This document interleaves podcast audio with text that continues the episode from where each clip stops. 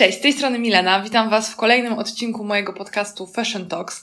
E, dzisiaj porozmawiamy sobie o sprzedaży, oczywiście o sprzedaży w modzie, e, ponieważ sama ta dziedzina jest dość piękna, ale oczywiście sprowadza się do biznesu, do liczb, do Excela i właśnie do tej sprzedaży. E, I moimi gośćmi są dwie piękne panie, Ania i Ewelina, czyli przedstawicielki polskiej marki Anataka. Cześć, witamy. Dzień dobry. E, dziękuję Wam bardzo, że spotykamy się e, w ten poranek e, w Warszawie, bo jesteście z Łodzi. Tak, jesteśmy. Nasze korzenie są właśnie stamtąd. Więc marka też jest z Łodzi. Tak. Jak to się stało, że Anna taka powstała? bo wiem, że masz również duże doświadczenie w innym brandzie, a jednak postanowiłaś stworzyć coś swojego.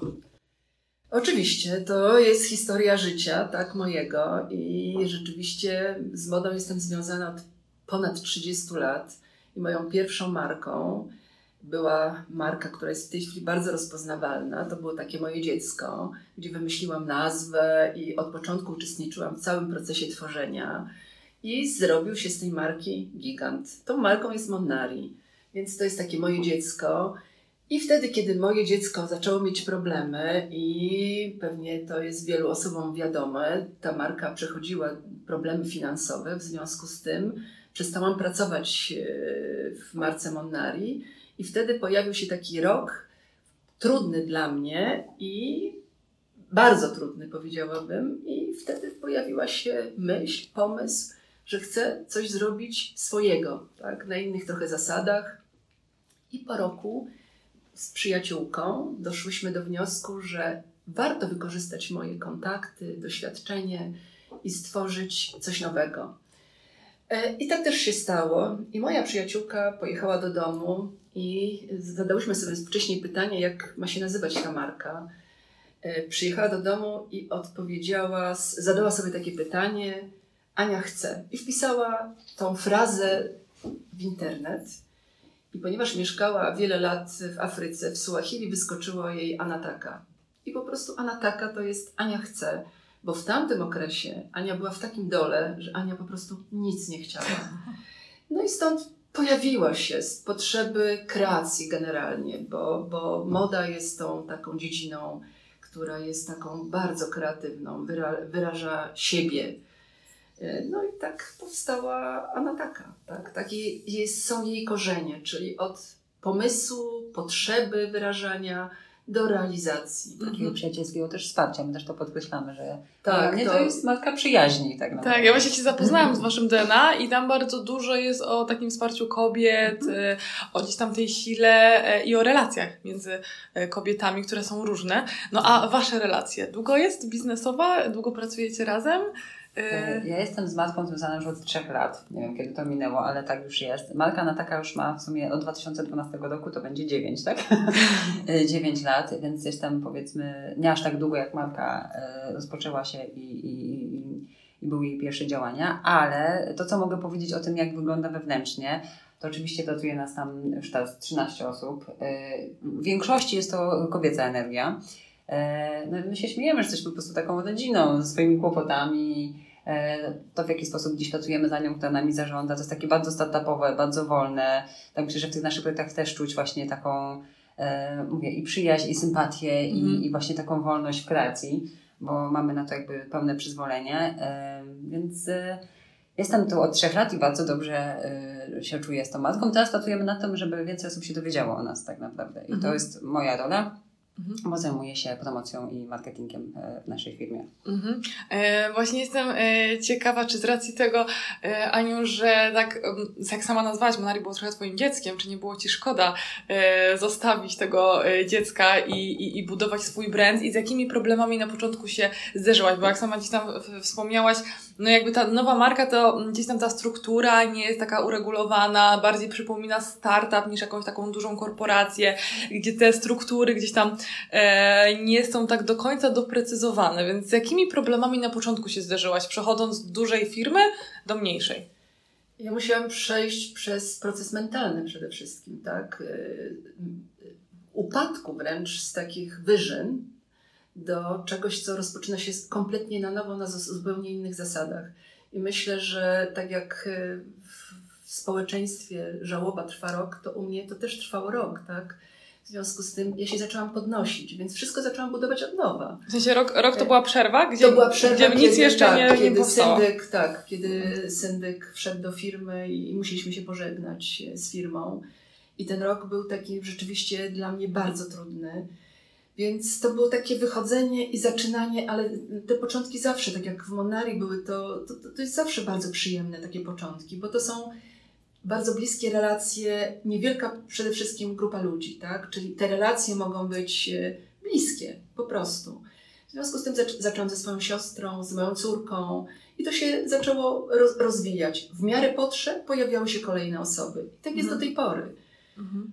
Fajne jest to, że skupiacie się na kliencie z jednej strony detalicznym, ale wiem, że również prężnie działacie na takiej płaszczyźnie B2B, czyli gdzieś tam z butikami mm, multibrandowymi i właśnie jestem e, ciekawa, jak to tak wygląda e, od wewnątrz.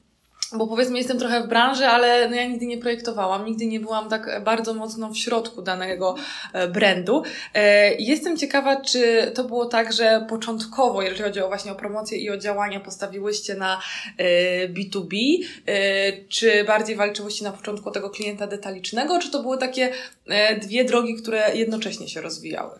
Myślę, że to były dwie drogi, które się rozwijają jednocześnie z ukierunkowaniem na B2B, tak? Czyli Mhm. mieliśmy przedstawiciela, który rozwoził po Polsce nasz towar, ale też pojawiały się niezależne butiki, które przychodziły do nas i obsługiwaliśmy te butiki z, z magazynu naszego, Mhm. wtedy niewielkiego. Mhm. Może właśnie jeszcze doprecyzujmy, bo nie wszyscy może wiedzą, że B2B e, generalnie chodzi mi e, o to, że tutaj e, ten e, towar, e, wasza kolekcja trafia do butików e, jakby w większej ilości, a nie są sprzedawane jakby klientowi takiemu indywidualnemu. Czy to polega na tym, że marka jak powstała, z racji tego, że Ania miała kontakty i jakby umiejętność współpracy z takimi butikami, tak naprawdę, to pewnie był to taki pierwszy krok jakby sprzedażowy, jakby też rozpoznana ścieżka. B2B Mhm. tak naprawdę w naszym rozumieniu, no bo oczywiście tej definicji pewnie w biznesie każdy ma swoją jakąś, tak? To, to, to jest współpraca z firmami. Czyli Mhm. te butiki multibrandowe to są nasi odbiorcy.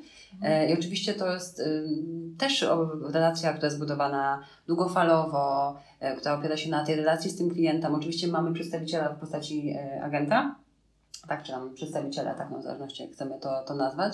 E, No ale też dużo firm na przykład już w momencie, kiedy jesteśmy rozpoznawalni, wie, że w takiej strukturze też pracujemy, e, kontaktują się z nami przez nasze social media, szukają nas e, i, i też chcą sprzedawać nasze ubrania, bo po prostu produkt dla nich jest bardzo dobry.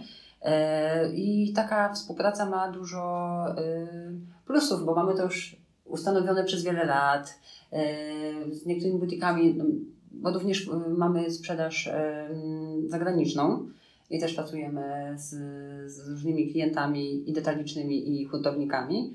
E, Jest, no, znaczy nam to się podoba, nam to się sprawdza tak naprawdę. Jest to metoda, która mm, no, daje nam utrzymanie tak naprawdę, ale my też bardzo prężnie i silnie y, teraz wiem, odkąd też ja się pojawiłam w sumie w firmie i przejęłam jakby tę część, e, chcemy rozwijać się w internecie, tak? Więc jakby Mhm. w tej sprzedaży przez naszą platformę, czy przez jakieś inne marketplace'y, tak? Więc jakby to trochę łączymy. I tak było od początku, chociaż myślę, że wtedy większa przewaga była butikowa, tak? Gdzieś ta energia szła e, w to B2B, a teraz jednak też czujemy, że no, rynek się zmienia, klienci się Mhm. zmieniają, gdzieś ta sprzedaż też przeniosła się do internetu i no, musimy gdzieś e, w tym kanale również pracować bardzo intensywnie. Poza tym mamy większy wpływ, tak? Jeżeli sami zarządzamy naszą marką, czyli sprzedajemy przez nasz sklep internetowy, mamy większy wpływ na to, jak jest odbierana przez, e, przez Ostatecznego klienta, klienta. ostatecznego Mhm. klienta. Mhm. Jednak w butiku nie mamy takiej kontroli, ponieważ mamy 130, 130 butików, które Butików nas wow. sprzedają, tak. No to Ale y, oczywiście też z racji tego, że mamy przedstawiciela i też y, tej kontroli tak ogromnej nie mamy,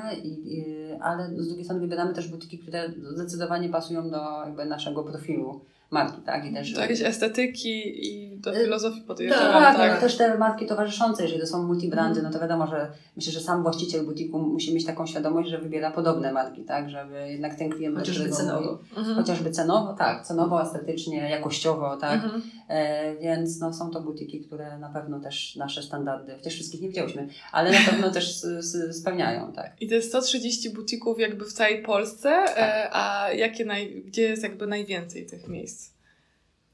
No na pewno. Czy jest jakieś miasto, które faktycznie dominuje, jeżeli chodzi o... e, Nie. Nie ma takiego Nie ma czegoś. takiego. To są i małe miejscowości i duże miasta, y, bo w Warszawie też są multibrandy, które nas sprzedają, mimo że też mamy swoje Mhm. stacjonarne sklepy tutaj już. Mhm. I jak właśnie wygląda ta relacja? Czy to ona polega na tym, że te butiki, e, ci właśnie klienci biznesowi, oni kupują od Was? Czy to jest na zasadzie komisu? E, jak to wygląda? Kupują. Kupują. Kupują, tak. Jest jakaś kupują. e, minimalna e, ilość? E, Nie, nie ma mini, minimalnej ilości. Nie ma. Nie. Kupują. aha, a z jakim, z jakim wyprzedzeniem? Załóżmy, dzisiaj uderza do Was klient i on może kupić zimową, czy tylko już wiosenną? Czy... Nie, my mamy taką, taką w tej chwili taki sposób, że przygotowujemy prezentację, tak? Gdzie Mhm. mamy Ofertę handlową. Tak? taką ofertę handlową, którą rozsyłamy mailowo, gdzie są dobrze sfotografowane nasze rzeczy y, z cenami. Składem. Składem, Tak. Mhm. to co jest potrzebne klientowi y, butikowi, Mhm. tak, Pierwszej y, decyzji. do Tak? pierwszej Mhm. decyzji. I oni już wtedy robią pierwsze wstępne zamówienia, tak. Oczywiście składają je do naszego przedstawiciela, tak, bo Mhm. to on potem jedzie samochodem i im to dostarcza. Mhm. Tak, bo nadal jednak ten kontakt z produktem, mimo że żyjemy w dobie internetu, tak by się wydawało, to jednak przy takich decyzjach biznesowych dla tych klientów jest ważne, żeby zobaczyć e, ten model, który sobie upatrzyli, żeby go To dotknąć. jest najbardziej skuteczne. przymierzyć, On musi mieć tak. na samochodzie, tak? Aha. musi Tak. mieć na samochodzie i wtedy następuje ostateczna decyzja. E, no właśnie, zakupowa. Tak, taka kontraktacja wtedy taka. Taka, no, Czy, czy, czyli finalnie jest jakby tak sko- skończony jest i, i dopięcie po prostu e, waszej współpracy wtedy, Tak, jak finalnie jest e, ten produkt e, potwierdzony i, i zobaczymy. No właśnie, a jak, jak szukacie? Bo z jednej strony mówiłaś właśnie, że, że ktoś do was pisze też na Instagramie, jeżeli chodzi o tych właśnie klientów. E, Podejrzewam, że również twoje doświadczenie miało wpływ na, na, na tą działkę biznesu. Jakie są jeszcze drogi szukania takiego klienta właśnie Albo jaka droga się najbardziej sprawdza? E, Znaczy my tu wymieniliśmy za nią trzy drogi. Że właśnie to jest właśnie teraz internet, gdzie nas raczej szukają. Mhm. Jest e, kwestia przedstawiciela, który robi w sumie naj- największą pracę, Mhm. e, bo jednak to, jak on prezentuje naszą markę, jak jeździ z naszym produktem i mówię bezpośrednio, znaczy mówię, mów- możemy mówić o dobie internetu, ale mimo wszystko przy takiej interakcji też związanej z, z ubraniem, to to się najbardziej sprawdza, że po Mhm. prostu on do tych klientów wchodzi i mówi do nich, że ma super, super kolekcję i czy ktoś ma ochotę po prostu e, z, z nią współpracować. I jeszcze jest kwestia targów, Mhm. e, bo byliśmy na kilku targach, chociaż bardzo Polskich często targach. polskich targach. Znaczy, Tak. nie Byliśmy tylko, za granicą. Byliśmy, nie tylko, ale to jakby jesteśmy jakby w trakcie rozwijania i myślenia o tej ekspansji zagranicznej. E, ale te targi też są takim elementem, gdzie Pojawia się nowy klient. Pojawia się nowy Mhm. klient, tak? Albo ten, który chce e, na przykład kupić, może sobie no, daną nową kolekcję e, zobaczyć wcześniej. Mhm. A poza tym jest taka e, szeptana metoda, że po prostu butiki między sobą się Mhm. kontaktują i wiedzą, które rzeczy się dobrze sprzedają. I po prostu A. z tego tytułu. No i poczta pantoflowa po prostu. Tak, dokładnie, dokładnie. Tak, Bo często też wiedzą, jakieś telefony do biura. Mówię, ja z racji tego, że zajmuję się głównie tą działką social mediów, to też widzę, że po prostu są zapytania i z Polski, i z zagranicy również, tak, Mhm. na temat współpracy. Mhm. E, no właśnie jestem e, ciekawa, czy ta, czy ta sprzedaż B2B to jest taka e, poduszka finansowa, czy ona również ma wpływ na takie działania marketingowe, na wizerunkowe, czy jakby zauważyliście jakiś, nie wiem, na przykład przypływ, większy ruch na Instagramie, jeżeli wasza ilość em, sklepów multibrandowych, gdzie produkt jest prezentowany jest wtedy większa, e, czy to ma również przełożenie na takie, na tą rozpoznawalność tej marki? Ja powiem ze swojego oglądu po tych trzech latach, uważam, że to, że mamy tak dużo tych butików, e, no przede wszystkim to są kwestie finansowe. My na tym zarabiamy, tak? E, Jeśli chodzi o rozpoznawalność, na pewno ona też się dzięki tym butikom poszerza, aczkolwiek są to e, osobne podmioty, tak jak mówiliśmy, to są firmy, więc oni przede wszystkim działają na swoją rozpoznawalność i nad tym pracują, nie nad tym, żeby stricte nasza marka była rozpoznawalna. To jest jakby nasza praca i my dlatego teraz staramy się mocniej e, naciskać na to, żebyśmy byli widoczni e, w różnych kanałach, też właśnie e, w, internecie i nie tylko, bo również e, jeśli chodzi o media. Więc oni na pewno działają na naszą rozpoznawalność. Nie zauważamy czegoś takiego, że w momencie, kiedy pojawia się nowy butik, to nam wzrasta jakby ilość zainteresowanych osób. Raczej Mhm. to, to nie działa w tę stronę. Myślę, że raczej my teraz pracujemy w ten sposób, żeby tym butikom było łatwiej sprzedać nasze rzeczy. Mhm. Żeby wiedzieli, że na przykład jak wchodzą do tego butiku, wiedzą, że tam jest Anataka, to jest matka, która współpracowała z kimś, kto jest powiedzmy jakimś influencerem, O, czy gdzieś się pojawiła, więc myślę, że to jest taka trochę obopólna praca, ale wydaje mi się, że butiki bezpośrednio bardziej pracują na swoją renomę, tak? Mhm. Że jednak e, mhm. chodzi mi o to, żeby sprzedać całe zatowarowanie sklepu, czyli naszą markę i nie tylko. Mhm. Chociaż materiały promocyjne też im dostarczamy, tak? Staramy się dla Czy plakaty, Mhm. katalogi. katalogi, tak. Tak, które na pewno Ci tam pomagają. A jakie właśnie są sposoby e, Waszej kontroli nad tym, żeby ten produkt był dobrze zaprezentowany? Bo z jednej strony jakby mm, pracując e, jakby i skupiając się na sprzedaży takiej detalicznej, no to mamy przede wszystkim e, od razu feedback od tego klienta. Wy widzicie, jak te klientki reagują, co przymierzają, co nawet dotykają, e, co, jaki produkt jest bardziej popularny. I nawet już nie mówię o sprzedaży, tylko właśnie o takiej reakcji po prostu swobodnej, Mhm. Dokładnie. E, I też macie dokładnie, widzicie jak ten produkt jest pokazany, zaprezentowany w butiku, natomiast no, w tych multibrandach no nie do końca macie taki feedback, więc jakby jakie są tutaj sposoby e, na to, żeby ten produkt był tak zaprezentowany jak chcecie? To znaczy, do końca nie mamy na to wpływu, aczkolwiek y, półka, na której jesteśmy, jakby wymaga tego, żeby ten produkt był dobrze zaprezentowany. Czyli nasz przedstawiciel, który jeździ i ma mm, pewną osobowość, która jest właśnie taka otwarta, dla nas on jest źródłem tych informacji, które pozyskuje, bo on bardzo lubi kobiety, on lubi to, co, to co robi. W związku z tym pozyskuje z rynku bardzo dużo informacji Mhm. na temat produktu, E, Dba o to, jak to wygląda, dba o to, żeby y, butik miał plakat, żeby ten plakat y, wi- wisiał w najlepszym miejscu.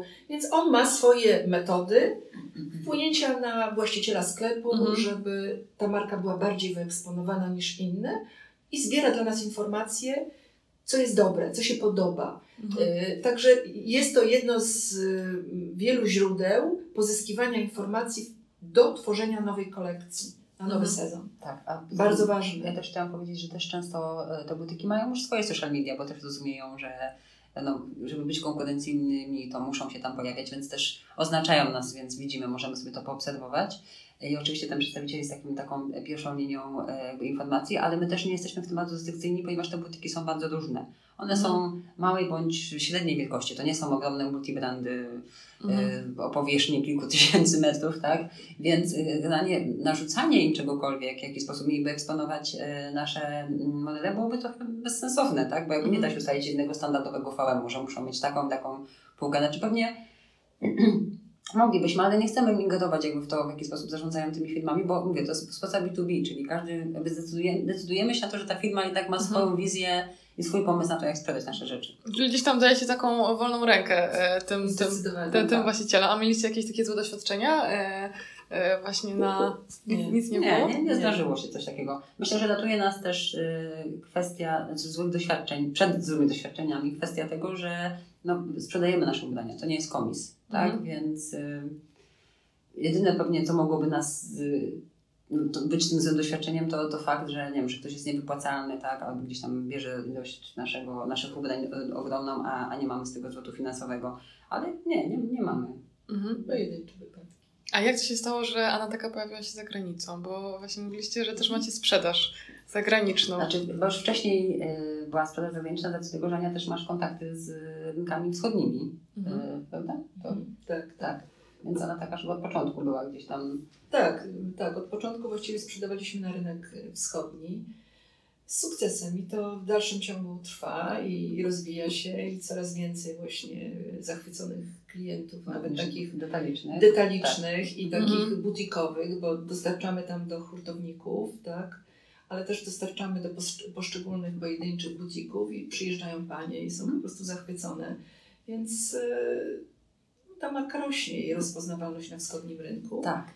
Ja jeszcze chcę powiedzieć, że jeszcze przed y, pandemią ym, brałyśmy udział, bo myślimy o ekspansji zagranicznej, bo jednak no, ten polski nasz produkt możemy bardzo, bardzo nie, nie, wstydzimy się go, chcemy pokazać naszą markę i byliśmy w ramach, programu Go to Brand y, na różnych targach y, w Europie Zachodniej. Mhm. Byliśmy w Paryżu, w Kopenhadze, W Berlinie. w Berlinie, tak. E, tylko, że ten nasz proces trochę się uciął, ponieważ przyszła pandemia i Mhm. mimo tego, że powinniśmy kontynuować i pokazywać się na tych targach, no, no to niestety to się nie wydarzyło. Co prawda na tych targach udało nam się pozyskać jakieś współpracę, między innymi sprzedajemy do Szwajcarii teraz e, nasze ubrania, również do jakiegoś butiku.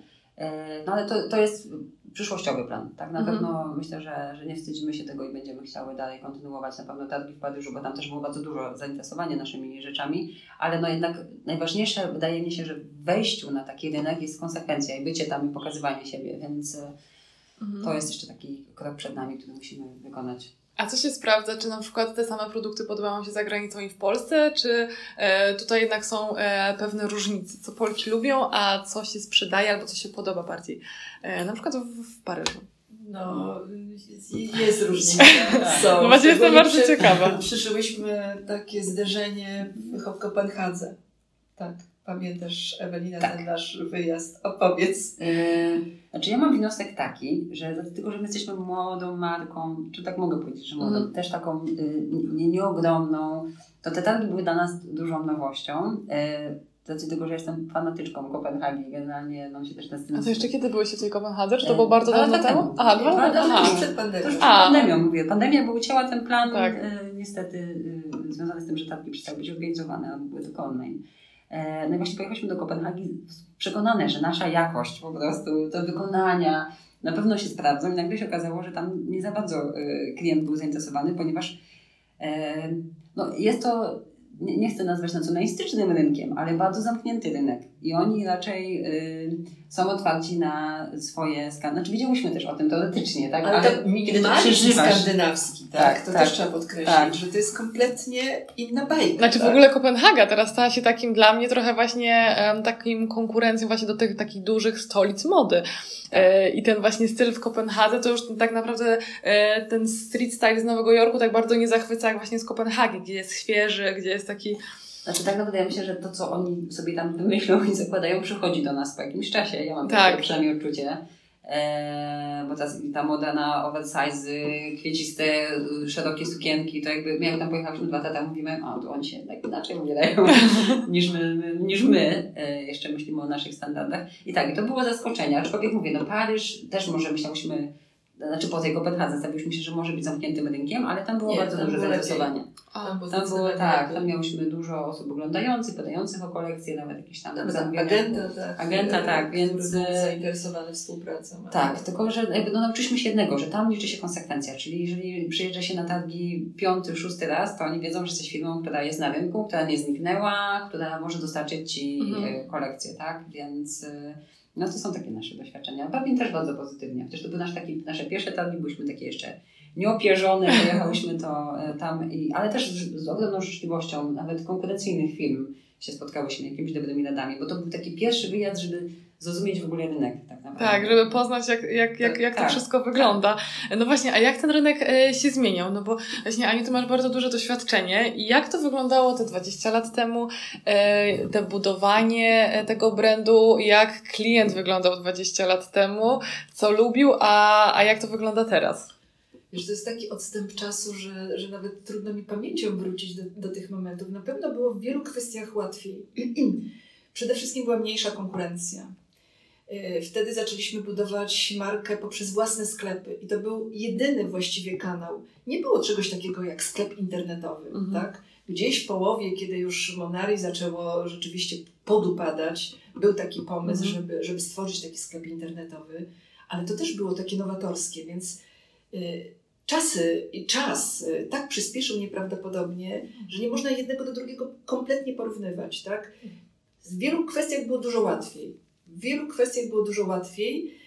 Y, Bo też faktycznie wydaje mi się, że ta polska moda jeszcze nie była zbudowana, tak? ale Teraz nie było tej Tak, konkurencji, nie było. tak? Teraz jest dużo większa świadomość jednak tych konsumentów Mhm. w Polsce, tych kobiet, które poszukują też, mogą korzystać z tego, co daje im świat, tak? No, tak, to- ale właśnie z drugiej... No właśnie nie... Internet jest nieprawdopodobnym narzędziem otworzenia się wszystkiego, tak? Kobiety na, na modę, na możliwości. Tak. Już nie musisz kupować, wchodzić do, do sklepu stacjonarnego, tylko możesz otwo- otworzyć komputer i po prostu przerzucić sobie wiele propozycji, wielu projektantów. Mhm. Czegoś takiego nie było. Mhm. No właśnie z jednej strony była mniejsza konkurencja, jeżeli chodzi o inne marki, ale z drugiej strony, czy wtedy kobiety tak chętniej kupowały tą modę, czy... Myślę, że potrzebowały tego bardzo. Y, Nie, nie, nie myśl, myślisz, że to tak? Ja myślę, że, Ja że, to, że, że zawsze potrzebowały kupować, tak? Mhm. Bo, bo kobieta jednak e, troszkę nadaje takiej identyfikacji poprzez ubiór siebie, tak? Takiego, To jest taki sposób wyrażania siebie.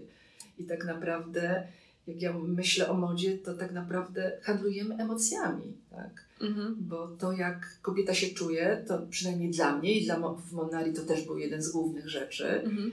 to jak ona się poczuje w tych rzeczach. I, i myślę, że, że, że, że to sprzedajemy, emocje. Tak. I wtedy, i dzisiaj, i w związku z tym Tylko myślę, że wtedy może było mniejsze takie know-how, że tak powiem. Tak, teraz to się ładnie nazywa budowanie storytellingu, Tak. budowanie gdzieś tam Tak. całej idei. Że y, też ta potrzeba konsumenta, jak on się zachowuje, ona się zmienia, bo jakby i rynek ją zmienia i konsument to zmienia, czy są Mhm. jakby takie sprzężone łańcuchy. E, Myślę, że na pewno e, ta taka światowość, tak? E, Teraz nie wiem, czy to jest dobre słowo, ale jest, jest bardziej odczuwalna, że też dużo projektantów się na to decyduje, że zakłada te, te marki, bo jest jakaś infrastruktura, bo jest Unia, że są wsparcia finansowe, tak? Mhm. Y, Myślę, że więcej osób, tak jak Ania była wtedy tam na początku, musiała pewnie sama ze swoim zespołem, z ludźmi, którzy z nią pracowali, wymyślić, jak to ma działać, tak? No, był Mhm. jakiś kanał sprzedaży, no ale jak być będzie rozpoznawalnym. A teraz w sumie wszystko mamy w tym internecie, ale tej mnogości informacji wyciągnąć coś i tak naprawdę odnaleźć się na tym rynku jest trudniej, Mhm. bo, bo nam się wydaje, że mamy wiedzę, a jednak okazuje się, że tylko praktyka, tylko determinacja i ciężka praca powoduje, że, że się dochodzi do jakiegoś sukcesu, tak? Mhm. Wspomniałyście o tym Instagramie. Jestem ciekawa, jak sobie porównamy sprzedaż w butikach stacjonarnych kontra sprzedaż w internecie. Gdzie jest większa? Czy prowadzicie takie mniej więcej statystyki jakieś? Porównujecie sobie? Na pewno naszym największym odbiorcą są butiki. E, Jeśli chodzi Mhm. o sprzedaż internetową, my nad tym pracujemy Mhm. e, cały czas. Jeśli chodzi, jeżeli mówimy o Instagramie i Facebooku, to tak naprawdę oba te kanały działają na rozpoznawalność, to przenosi na naszą witrynę internetową. Więc teraz skupiamy się na tym, żeby nasza witryna była bardziej rozpoznawalna. No to są bardzo wiele elementów, od pozycjonowania przez jakby UX tej strony. Tak naprawdę my się tego teraz uczymy. E, Mhm. To się już dzieje i, i mamy plany na to, że nasza strona będzie wyglądała inaczej. Mamy plany na to, jak ją e, bardziej rozpromować, tak? E, Ale to jest w procesie, tak? Czyli, Mhm. czyli jakby my trochę prze- przenosimy tam ten ciężar sprzedaży, ale myślę, że nie będziemy nigdy rezygnować z tych butików. Y, Znaczy, są one dla nas naprawdę dobrym rozwiązaniem i, i naszym, naszym takim finansowym wsparciem. a życie pokaże, w którym kierunku popłynie ten. No w ogóle świat. świat. Tak, I to, świat. to od tego trzeba zacząć. Że... No tak, pandemia, pandemia e, troszeczkę namieszała e, e, i faktycznie e, mam wrażenie, że teraz wszystkie polskie marki poszły w stronę e, takiej wygody i tą wygodę e, połączoną z dobrą jakością e, u Was e, widać. E, I e, powiedzcie jeszcze troszeczkę kilka słów o produkcji. Ile to trwa? Bo jestem właśnie ciekawa w związku z e, z tym, że bazujecie właśnie na tej sprzedaży B2B, e, czy ta produkcja e, trwa długo, czy ona musi być z dużym wyprzedzeniem, bo produkcja jest w Polsce, to też zaznaczmy. Tak, produk- produkcja od A do Z jest w Polsce, czyli proces projektowania rozpoczyna mm, kolekcję i potrzeba na to, żeby pojawił się w magazynie około pół roku, 6 miesięcy. Mhm. Od projektu. Tak, jeden od projektu. Czyli od, e, powiedzmy, od zaplanowania, jeszcze e, od zaplanowania w głowie, do finalnie Musimy się mam tą zmieścić rzecz w ręce, to Musi maksymalnie 6 Maksymalnie miesiącach, sześć żeby być miesięcy. jednak pierwszym. Bo działam w systemie takim dwusezonowym, standardowym Mhm. lato, wiosna, zima, jesień. Eee, I tak, no proces jakby zaczyna się od y, projektu, ale to jest tak naprawdę pierwszy krok. Później jest kwestia zamawiania materiałów, znalezienia dodatków, z tego, że my stawiamy bardzo na jakość i na detale, to to szukanie do, dodatków y, i w sumie stworzenie spójnego produktu to, to jest naprawdę y, trudny proces, tak? I tak jak Latanią właśnie jak tu jechałyśmy, rozmawiałyśmy o tym, y, o tym, co się zmieniło kiedyś, a, a jak jest teraz, to na pewno nie zmieniło się to, że trzeba gonić tą kolekcję, e, bo wypadają, tam jest tyle czynników zewnętrznych, czyli my się bardzo cieszymy, że mamy naszych polskich podwykonawców i że mamy dużo większą kontrolę nad tym, e, ale no, wiadomo, że to jest łańcuch, więc jeżeli jakikolwiek element wypadnie z tego łańcucha, to wiele rzeczy się przedłuża. Chociaż mówię, no, staramy się być na tyle elastyczni, obserwować tą kolekcję i, i tym naszym sztabem niewielkim pracować, e, żeby się w tych sześciu miesiącach jednak e, zamykać, a nawet wcześniej, bo im wcześniej produkt jest na, na rynku, tym, tym lepiej. Mhm. E, a jakie są Wasze plany na przyszłość, e, jeżeli właśnie chodzi o ten e, rozwój marki Anataka? Gdzie byście chciały, żeby Anataka była za pięć Z takich małych kroków, które są za chwilę, to otwieramy kolejny nasz butik, bo my mamy już w sumie trzy nasze sklepy w Warszawie, nasze i teraz otwieramy czwarty tutaj w Warszawie przy ulicy Senatorskiej, więc będzie sąsiadował chyba, tu chyba gdzieś w okolicy, prawda? Ja No tak to będę miała blisko. Dokładnie, więc zapraszamy Cię bardzo. No też myślimy o, z tego, że no, ta sprzedaż internetowa ma się bardziej rozwijać i są różne drogi, ale y, y, między innymi myślimy o tej drodze y, różnych marketplace'ów. Więc jesteśmy już tak o kroczek y, w sfinalizowaniu tego, że wejdziemy na jeden z bardzo dużych y, polskich marketplace'ów i tam się chcemy wypozycjonować i też zobaczyć, jak będzie ta sprzedaż wyglądała. E, A tak przyszłościowo, no to no to tak naprawdę to chcemy, żeby matka była coraz bardziej rozpoznawalna, żeby ludzie e, nabrali tej świadomości naszej jakości, tego jak, jak, jak fajny produkt produkuje się w centrum Polski, w, w, w Łodzi. I też planujemy być si- silniejsi w internecie, tak? Więc Mhm.